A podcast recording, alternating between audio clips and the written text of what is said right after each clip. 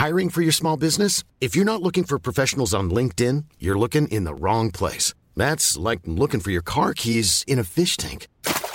LinkedIn helps you hire professionals you can't find anywhere else, even those who aren't actively searching for a new job but might be open to the perfect role. In a given month, over 70% of LinkedIn users don't even visit other leading job sites. So start looking in the right place. With LinkedIn, you can hire professionals like a professional. Post your free job on linkedin.com slash people today.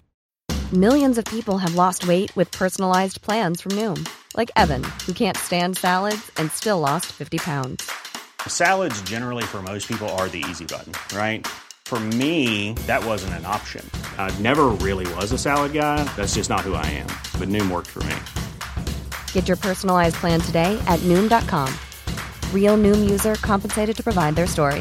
In four weeks, the typical Noom user can expect to lose one to two pounds per week. Individual results may vary. Hey, Dave. Yeah, Randy. Since we founded Bombus, we've always said our socks, underwear, and t shirts are super soft. Any new ideas? Maybe sublimely soft. Or disgustingly cozy? Wait, what? I got it. Bombus. Absurdly comfortable essentials for yourself And for those facing homelessness. because one purchased equals one donated. Wow, did we just write an ad? Yes. Bombas. Big comfort for everyone. Go to bombas.com slash ACAST and use code ACAST for 20% off your first purchase.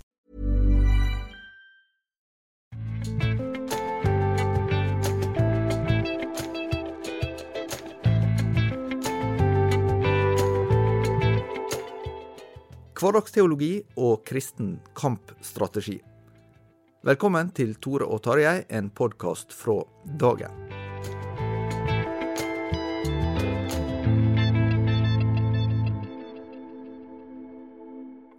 I dag er Tarjei Gilje faktisk på reise i Oslo, men han skal få komme inn på link litt seinere. Men hva gjør vel at Tarjei er vekk når vi har en god vikar? Eh, Eivind Algrøy, velkommen skal du være. Takk skal du ha.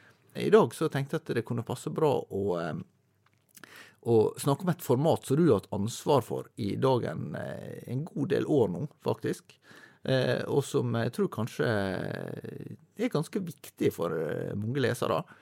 Eh, og det er ei spalte eller ei dobbeltside som heter Snart søndag. Ja, jeg kom jo inn i dagen i 2011, tror jeg, sånn cirka. Og ikke lenge etter det så fikk jeg ansvar for, eh, for Snart søndag, og egentlig fredagsavisa vår, som, eh, som besto av flere deler, da.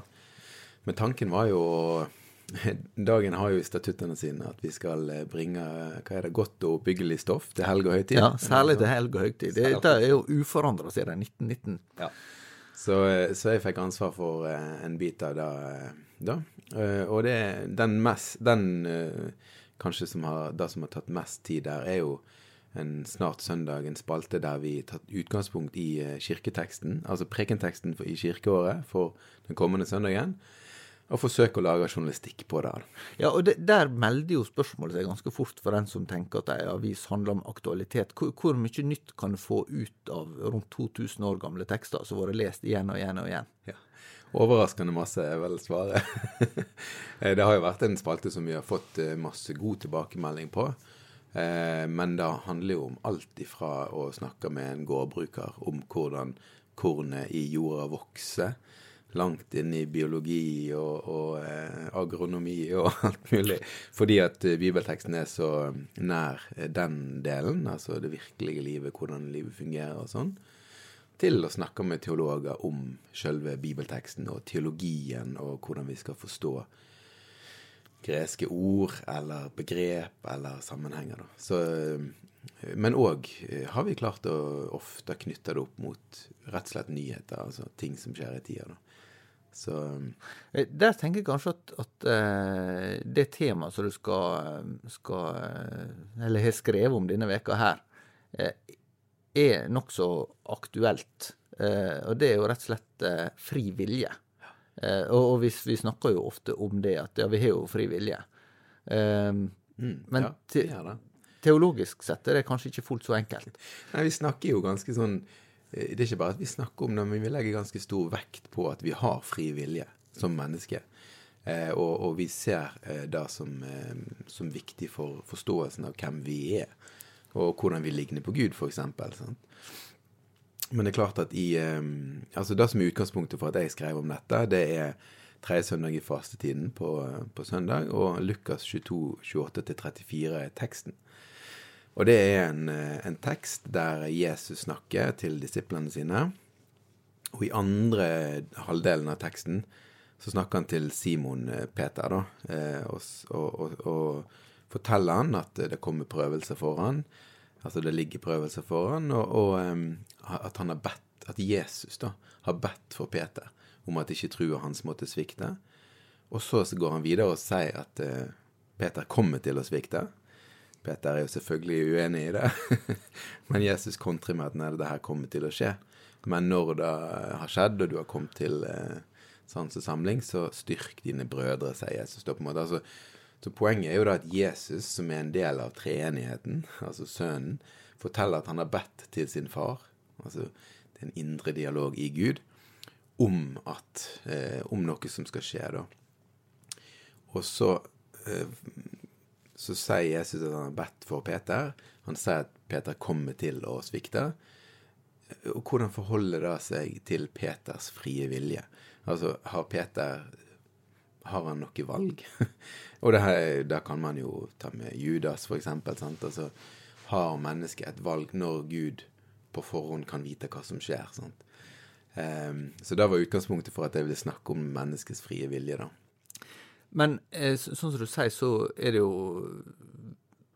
ofte sagt, og nesten som også et forsvar for, for kristen tro, at, at menneske, altså Gud har gitt mennesket fri vilje. Mm. Eh, for, fordi at da vil en jo tenke at eh, eh mennesket kan sjøl velge vil jeg være kristen eller ikke, vil jeg ha en relasjon til Gud eller ikke. I ytterst forstand vil jeg gå frelst eller vil jeg, vil jeg bli frelst eller vil jeg gå fortapt. Det, det, det velger du sjøl. Ja. Eh, tenker vi lett. Men, ja. men eh, hvordan stiller det seg? Eh, Nei, altså, Det er jo det som Når man går inn i, i Bibelen og, og, leser og altså Det var for så vidt et poeng. Jeg, jeg snakker med Gunnar Innerdal, som er førsteamanuensis eh, ved NLA-høgskolen her i, i, Bergen, i Sandviken, eh, om dette her, da. Og han gjør et poeng ut av at eh, Bibelen er ikke så opptatt av menneskets frie vilje. Når det er snakk om vilje, så er det stort sett snakk om Guds vilje. så det er jo et, et sidepoeng, da. Men det er jo det spørsmålet, sant. Altså um, som, som, Luther, som, kanskje på en måte samles veldig i Luther, eh, hos Luther, da. Når han uh, presiserer at uh, det er ikke vårt verk, frelsen er ikke vårt verk. hvordan kan vi, da, kan vi da velge frelsen? Og han svarer jo ganske utvetydig, sånn som jeg forstår det i hvert fall, nei. Altså når det kommer til frelsen, når det kommer til det å ta imot frelsesverket, å, å, å, bli en kristen eller bli frelst, eller sånn, så, så, er det ikke vi som Altså vår vilje kan ikke gjøre noe med akkurat det. Da. Vi har ikke en fri vilje til å si ja eller si nei. Sånn som jeg forstår, han, eh, forstår det, da. Ja, for, for, det blir jo liksom sett på spissen i luthersk forståelse at mennesker kan si nei til Gud, men mennesker kan ikke si ja til Gud. Ja. Altså at det, det, Mennesker kan ikke bestemme seg for at eh, OK, nå, nå, eh, mm. nå tror jeg at jeg vil, jeg vil bli kristen. Ja, rett og slett. Så, så, så, det er jo et, et, selvstendig poeng at i spørsmål om frelse, altså i det å frelse seg sjøl, for å si det sånn, så, så mener Luther at, at, menneskets vilje er, er bundet, det har ikke sjans. Det er på en måte mm, Ja. ja altså, et av Luther sine mest kjente skrift har jo eh, den eh, kanskje ganske provoserende tittelen 'Den trellbundne vilje'. Ja. Altså slavebundne vilje. Ja. Viljen som er bundet på hender og føtter, og som ikke har sjans til å komme til erkjennelse og, og frelse. da. Og, og, eh, Luther spissformulerte jo, det er vel ikke noe hemmelighet. Eh, og han var jo òg eh, For for meg har dette her vært et spørsmål som har egentlig betydd litt. For at i møte med Luthers teologi så har jeg opplevd at mennesket forsvinner. Altså når jeg har lest på dette. Det har vært en litt sånn anfektelse for meg. Altså hvor er jeg? Og ikke nødvendigvis bare meg, men hvor er mennesket? Med sin verdi, med sine talent, med sine eh, Og så har jeg jo forstått at, eh, at Luthers teologi er jo blitt til i en historisk kontekst, altså i, i reaksjon mot noe. Eh, der gjerninga hadde en annen plass, osv. Og, eh, og så er det jo selvfølgelig òg sånn at i spørsmål om frelse har ikke mennesket frivillig, kan ikke ta selvstendige valg, men det betyr ikke at ikke vi har fri vilje i andre spørsmål. Eh, og, og, at ikke Ja. Så det er særlig liksom inn mot frelsen. Det er der på en måte vi, vi er sjanseløse, ifølge, ifølge Luther, da. Eh, ja, for, for, for, han tenker jo da at eh, evangeliet er et ytre ord. Altså at det, det kommer til mennesker. Det er ikke sånn at mennesker eh, oppsøker eller, eller liksom eh, framstiller det sjøl, men at den, det, det, kommer nesten som, som sola går opp. Da, at du, du, du bare Ja. ja du, ikke, du, blir belyst. ja. Eller du blir ikke belyst. Ja. Det, ja. Men, men, dette kan jo egentlig være et eks, interessant eksempel til å se et litt større perspektiv. For, for, for at somme vil si teologi det høres, teologi er for teologer. Mm. Det, dette her er for spesielt interesserte. Dette blir litt sånn abstrakt. Eh, litt sånn en, en slags åndelig filosofi, nesten. Ja. Eh, men, men, det du driver med, er vel egentlig et forsøk på det motsatte? Ja, jeg, jeg, jeg, håper jo da Eller det er et forsøk, det kan jeg i hvert fall stå for. Så jeg håper jo at vi klarer av og til å, å liksom trekke bibeltekstene ned eller opp til et nivå som, som kan, folk kan relatere seg til. da. Og så er det klart at når vi snakker om fri vilje, så kan jo en del dette av fort. Men jeg tror jo at det med spørsmålet om mennesker har fri vilje, egentlig er relevant for veldig mange. Ja, Hvordan tenker du det? Nei, altså, altså, vi, altså, vi, tenker at mennesket er fritt. Vi tenker litt sånn intuitivt. Kanskje er det litt kulturelt. Kanskje er det bare naturlig for oss å tenke det. Og når, når mennesket velger fritt, enten å gjøre noe godt eller å gjøre noe som er ondt, så tenker vi òg at mennesket har et ansvar for det man har gjort. Eh, enten godt eller vondt. og vi tenker at mennesket er eh, straffbar for, eller ansvarlig for sine handlinger og kan straffes eh, dersom handlingene på en måte er onde, da, og er straffbare. Men, men, hvis, men, det er egentlig ikke så selvsagt. Hvis, hvis La oss si at du tenker at i et rent materielt, materielt perspektiv, så er ikke det så selvsagt at mennesket er ansvarlig for sine handlinger på den måten at dette gjorde jeg fordi at jeg valgte å gjøre det. Da kan du i langt større grad si at nei, men eh, det er oppveksten min, det er eh, genene mine, det er eh, miljøet jeg har vært i, det er Som jo alt er viktig å påvirke oss. Men det er ikke noe meg igjen til å ta det valget, da.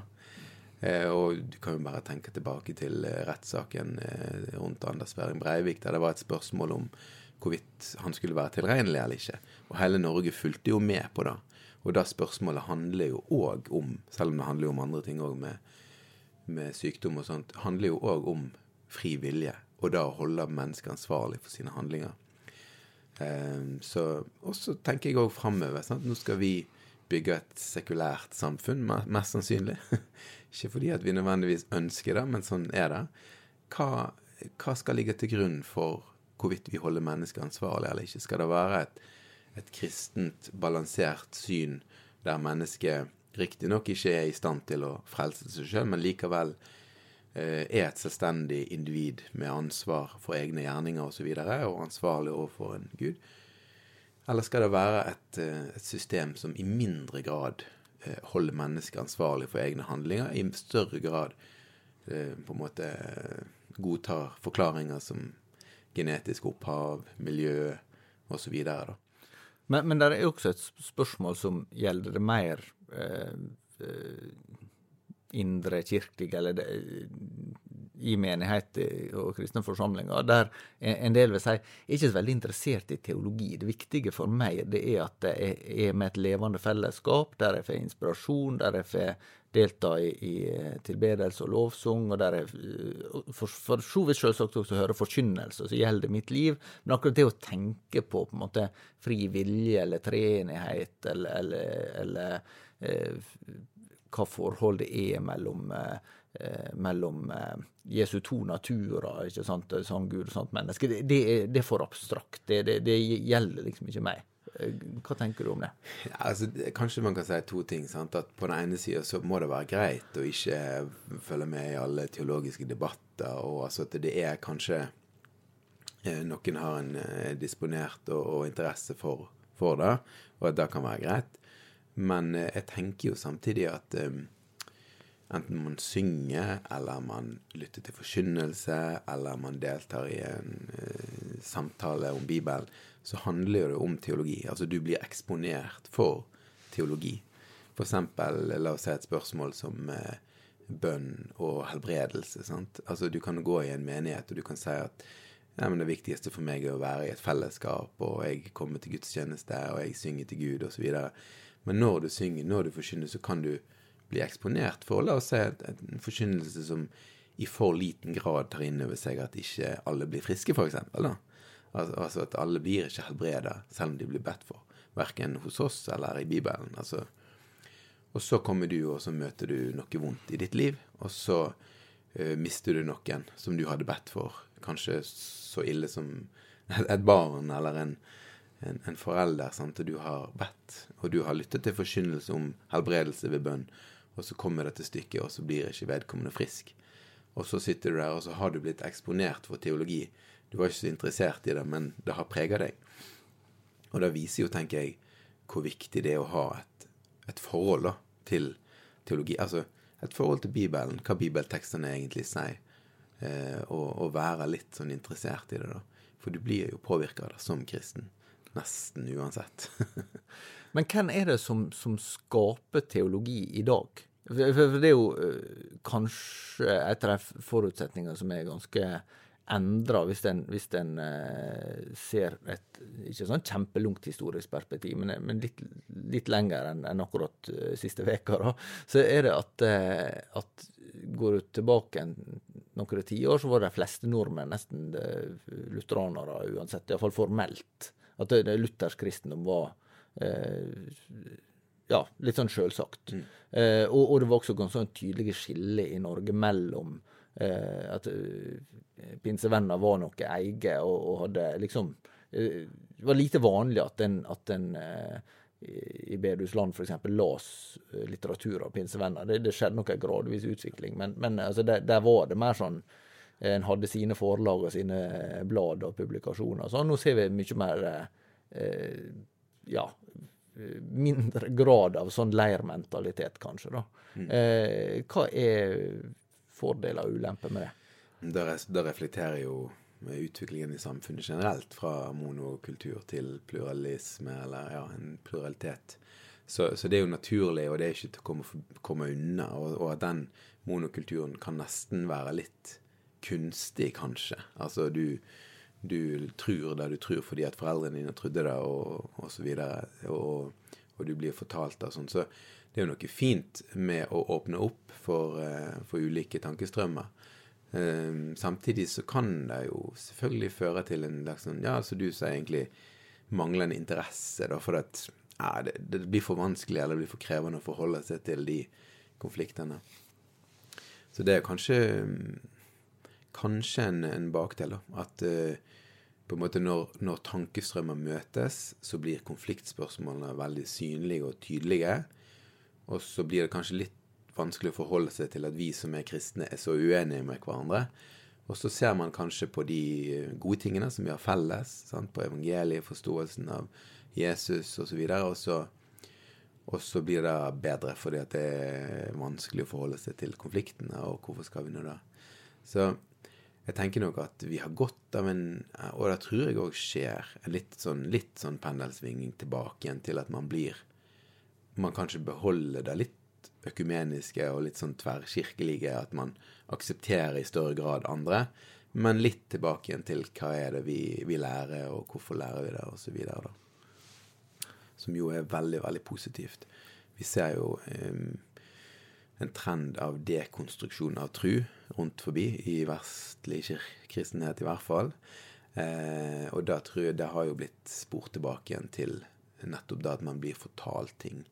Man, blir ikke, man, ikke, man, tenker ikke gjennom det. Og så kommer man over i en annen kultur eller en annen sammenheng, og så, så faller det sammen som et korthus. For du har ikke, du har ikke tenkt selvstendig rundt tingene, da. Eh, ja. Så du tenker det uh, for, å prøve å, fortolke uh, en slags balanse mellom fasthet og fleksibilitet? Ja, altså hvis du Ja, Eh, jeg tror det er helt nødvendig. Jeg tror det kan bli kunstig eh, med den fastheten som bare slår fast at fordi at denne høvdingen skrev denne boka og sa det sånn, så må det være sånn. Eh, som jo kanskje har vært tilfellet. Og så skal jo ikke Så har vi jo um, Ting kan ikke bare flyte heller, for det klarer ikke vi å forholde oss til. Og det er det ingen grunn til heller, for at vi har eh, Kristne har en åpenbaringsbok å gå til og, og lese i. Um, er det noen tema som du syns eh, for din del har vært særlig interessante eller avklarende? Så, altså noe når du drevet med dette i snart ti år, da, eller kanskje til og med mer. Eh, der du tenkte liksom at oi, der fikk jeg virkelig noen nye tanker som, som ikke bare var liksom intellektuelt interessante, men som har, har påvirka hvordan du eh, tenker og lever som sånn Ja, kristen og som far og så videre. ja altså um, Noe av det som, har, som har vært um, kanskje viktigst for, mi, for trua mi, da, har jo vært egentlig å møte eh, mangfoldet av tanker, av eh, personer, av eh, måter å tenke rundt eh, Bibelen på. Um, det har liksom åpna opp litt og gjort at jeg i større grad kan ha aksept for, eh, for eh, folk som tenker ganske annerledes, da. Men eh, Så, så det har vært viktig for trua. Eh, Noe, noe av det som kanskje har, jeg har hatt mest interesse av, har jo gått inn mot apologetikk. Altså hvordan, og, hvordan eh, Bibelen kan på en måte forsvares i dag, da.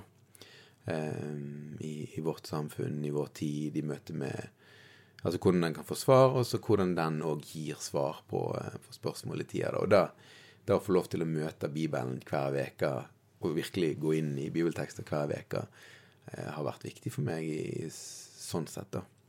Så eh, om det ikke er akkurat spesielle tema, så er det kanskje møte med Bibelen og møte med teologer, bønder, fiskere, fengselsprester. Altså der mangfoldet der, da. Se hvordan Bibelen og evangeliet er liksom gjør sin virkning og ja, er Ja. aktuelt og nær. Det har vært veldig fint. viktig å huske at noen av dette de første som har hatt ganske stor betydning for teologer. Eh, Nei, for teologien der var jo fiskere.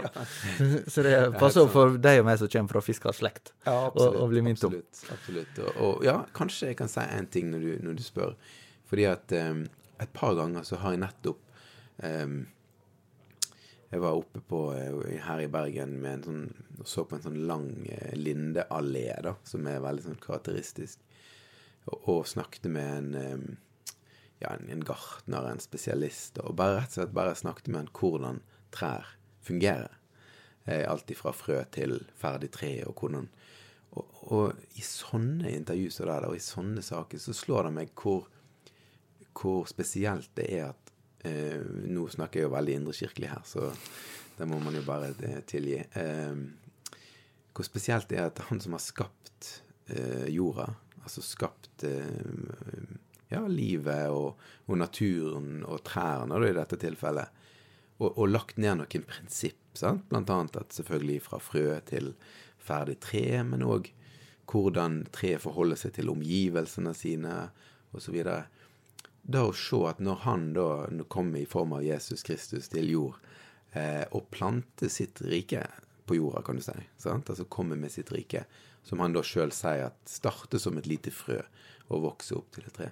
Og da å se hvor masse de eh, fenomenene ligner på hverandre. Da. Altså hvordan et tre vokser, og hvordan f.eks. en menighet eller, eller tru vokser. da. Så er det veldig, veldig likt. Og det er ikke en selvfølge, for Jesus kunne jo kommet med en mye mer sånn ferdig pakke. sant? Han kunne kommet i eh, mer sånn som kanskje noen skulle ønske at han gjorde, med skrift på, på himmelen og, og, og bravur. Og, og masse mirakler i, for, i stedet for bare et lite mirakel her og der. sant? Ja, og detaljerte eh, svar på alle tenkelige Nettopp, spørsmål. sant? Ja, altså ferdig teologi. sant? Så det er ikke noe selvfølge at det er sånn at Guds rike skal være som skal ligne så veldig på naturen. Men det gjør det, og det har vært egentlig veldig sånn sterkt og fint å se. da. Og trosskapende. Fordi at da kan man være litt mer tålmodig. Da kan man være litt mer overbærende med det som ligger i jorda og vokser, og tilsynelatende ser bart ut og, og dødt ut, men som Nei, her kommer det noe. Passer bra å slutte der eh, nå når det virkelig begynner å bli vår. Så eh, kan vi sant. se det oppbyggelige i at livet vokser fram igjen. Ja. Takk skal du ha, Eivind. Vi eh, kommer til å spørre deg igjen om å, å bli med. Så eh, wait for it. Da har vi kommet til del to av eh, dagens eh, sending. Og, eh, eller heter det sending, Tarjei Gilje? Nei, jeg er usikker på det. Episode, pleier jeg å si, men eh, det er jo et slags sending òg. Ja, Vi er litt g- vi gammeldags og opererer i sånne kringkastingstermer. Eh, men det er altså to av dagens episode. Eh, og du er inne fra Oslo. Det er riktig. I dag er jeg eh, på sånn redaksjonsrådsmøte, heter det, i bladet Fast grunn, som Dagen er med å publisere, eller distribuere, det i hvert fall, som produseres her. Ja, nettopp. Um, og um, det, det er ikke første gang du er i Oslo denne veka. Nei, nå er det som pandemien over, og da er vi tilbake litt i, i vante reisemønstre. Så da var det da var det to ganger til Oslo denne uken her, og den første var på mandag. Da var det årskonferanse og årsmøte i det som heter Frimodig kirke. Hva er Frimodig kirke, for de som eh, ikke måtte vite det? Ja, Det er jo et godt spørsmål. det. For det, det ble jo startet som et eh, inspirasjonsnettverk, tror jeg vi kan si, i Den norske kirke i kjølvannet av eh, vigselsvedtaket. Altså at Kirkemøtet gikk inn for å åpne for vigsel av likekjønnede par. Da var det en del av de som ikke eh, ønsket den endringen, som fant sammen da, eh, for å styrke og støtte hverandre i en kirkelig kamp som har blitt stadig vanskeligere. Eh, det, altså, i, I dagens eh, tittel for, for episoder så, så brukte jeg uttrykket 'kirkekamp'. Eh, det er jo kanskje et, et eh, uttrykk som, eh, som ikke de fleste bruker veldig mye sånn i sitt daglige språk. Men, men i hva grad tenker du det er treffende for det du, det du møter i Frimodig kirke? Nei, Det er veldig treffende. Jeg tror de fleste som er der, har kjent det på kroppen, at den kampen er den er, altså den er helt tett innpå, og den går ikke med fysiske våpen, men med altså det som går på samvittigheten løs, eh, kan du si. Eh, I den forstand at man, eh, at man eh, kjemper med hva man kan eh, ta del i, hva man kan være med på, hva man kan stå for, og hva man kan eh, med sin integritet intakt eh, være med på. Hva virkelighetsopplevelse er det du, eller virkelighetsforståelse er det du, du møter hos de som, som er på det årsmøtet? Jo, jeg, jeg holdt et innlegg der, det var jo for øvrig litt artig, eller god Det er litt sånn som når journalister blir intervjuet, at man er på andre siden av, eh, av bordet. Eh, vanligvis er det meg som sitter der og, og refererer og mener ting om hva andre sier. Nå var det meg som skulle, skulle snakke. Det var, det var jo sikkert eh, en sunn erfaring, det. Men da påpeker jeg at navnet kan jo nesten virke litt ironisk, fordi at på mange måter kan man jo si at forlegenhet er en mer observerbar, et mer observerbar trekk enn frimodighet i en del av denne leiren. Sant? Fordi trykket fra storsamfunnet og etter hvert fra det valgte flertallet i kirkemøtet er så sterkt at liksom det å stå frem med et annet syn på likekjønnet eh, samliv enn det som nå er, er rådende, det, det kommer med Det er lov, som så man har juridisk eh, alt på det tørre, men det er en så stor sosial belastning at det, er få som orker å, gjøre det. Og da er jo nok det her en sånn oase for de som, eh, som ønsker å bli værende i folkekirken, men som da ønsker å ivareta den teologiske tenkningen som har vært den vanlige helt frem til eh, vår egen tid. Og Så er jo spørsmålet deres da om de skal engasjere seg kirkepolitisk, eller det er en, en skal være eh, og heller tenke på å bygge kirke nedenfra. Det er det som er liksom spenningen der. Ja, det, der datt du litt ut, men altså, du sier spørsmålet om jeg skal engasjere seg kirkepolitisk eller bygge kirke nedenfra. Altså, da primært engasjere Ja, ja. lokal, lokalmenighetene og, og ja, drive med forkynnelse og, Akkurat. og gudstjenesteliv der. Eh, Men Ja. eh, nå ser det ut som at en, eh, en endrer litt strategi. Ja, det har jo vært en litt sånn tiltagende utvikling. det der, for når de begynte i 2017, så var det liksom om å gjøre at de ikke skulle bli en kirkepolitisk eh, aktør. Eh, Så blir jo det der mer og mer rendyrket at det er eh, politikken, den politiske, eh, altså kirkemøtet, som, som er eh, arenaen for strategiske og ja, politiske prosesser, parallelt med Stortinget og andre lignende organer. Og da har man vel kommet til at det blir lite formålstjenlig å trekke seg helt ut av den arenaen og kun overlate det til Åpen folkekirke og, og, og lignende eh, sammenslutninger. Eh, og så har det vært dette med det som heter nominasjonskomiteens lister, som har vært liksom et forsøk fra tradisjonelt på å, å lage menighetsråd som skal eh, representere en bredde, men der man liksom der er et samme, altså én liste. og Det blir litt som at ett parti på Stortinget skal prøve å favne bredden i folket parallelt. At det er en sånn rolle denne listen har vært ment å skulle ha. Og det vil jo lykkes i ulik grad rundt i landet. og Det er jo noe av grunnen for at Åpen folkekirke finnes, at de ønsket en tydeligere markering av at vi, vi har en liste der vi som står på den listen, vi ønsker det samme.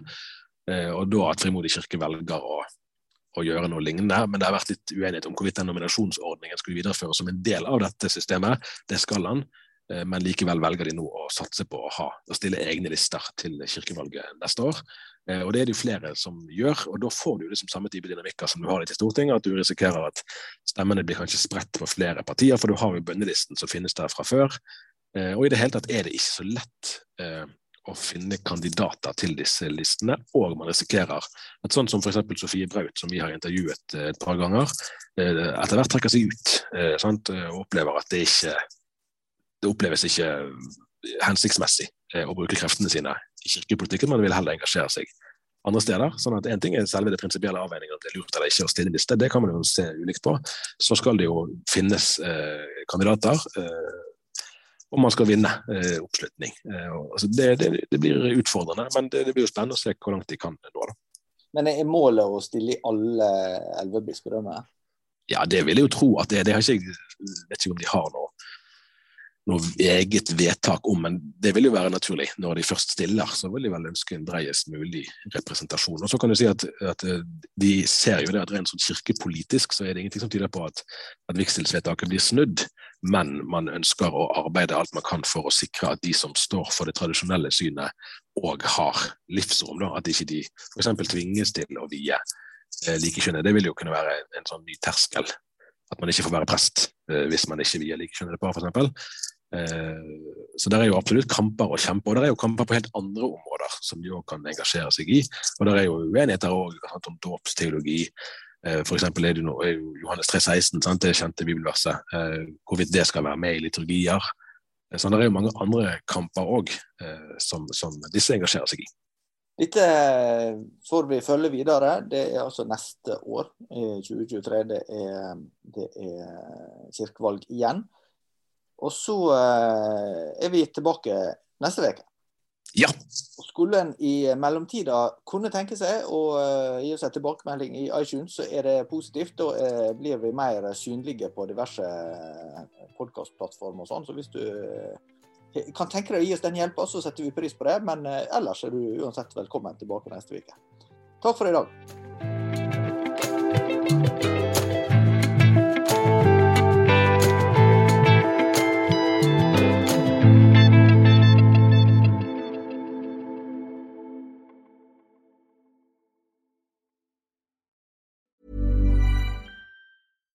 Here's a cool fact a crocodile can't stick out its tongue.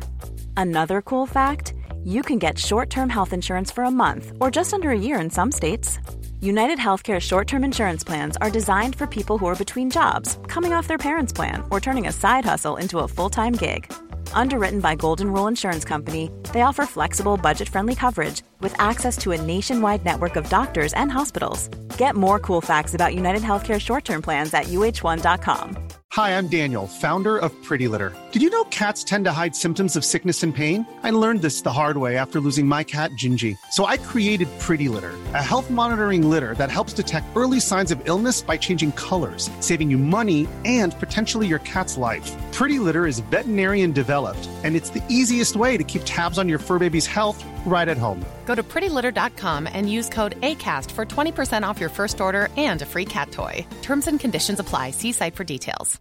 When you make decisions for your company, you look for the no brainers. And if you have a lot of mailing to do, stamps.com is the ultimate no brainer. It streamlines your processes to make your business more efficient, which makes you less busy. Mail checks, invoices, legal documents, and everything you need to keep your business running with stamps.com. Seamlessly connect with every major marketplace and shopping cart. Schedule package pickups and see your cheapest and fastest shipping options from different carriers. With rates up to 89% off USPS and UPS rates. And with the Stamps.com mobile app, you can take care of mailing and shipping wherever you are. Make the same no brainer decision as over 1 million other businesses with Stamps.com. Sign up with Code PROGRAM for a four week trial, plus free postage and a free digital scale. No long term commitments or contracts. That's Stamps.com. Code PROGRAM.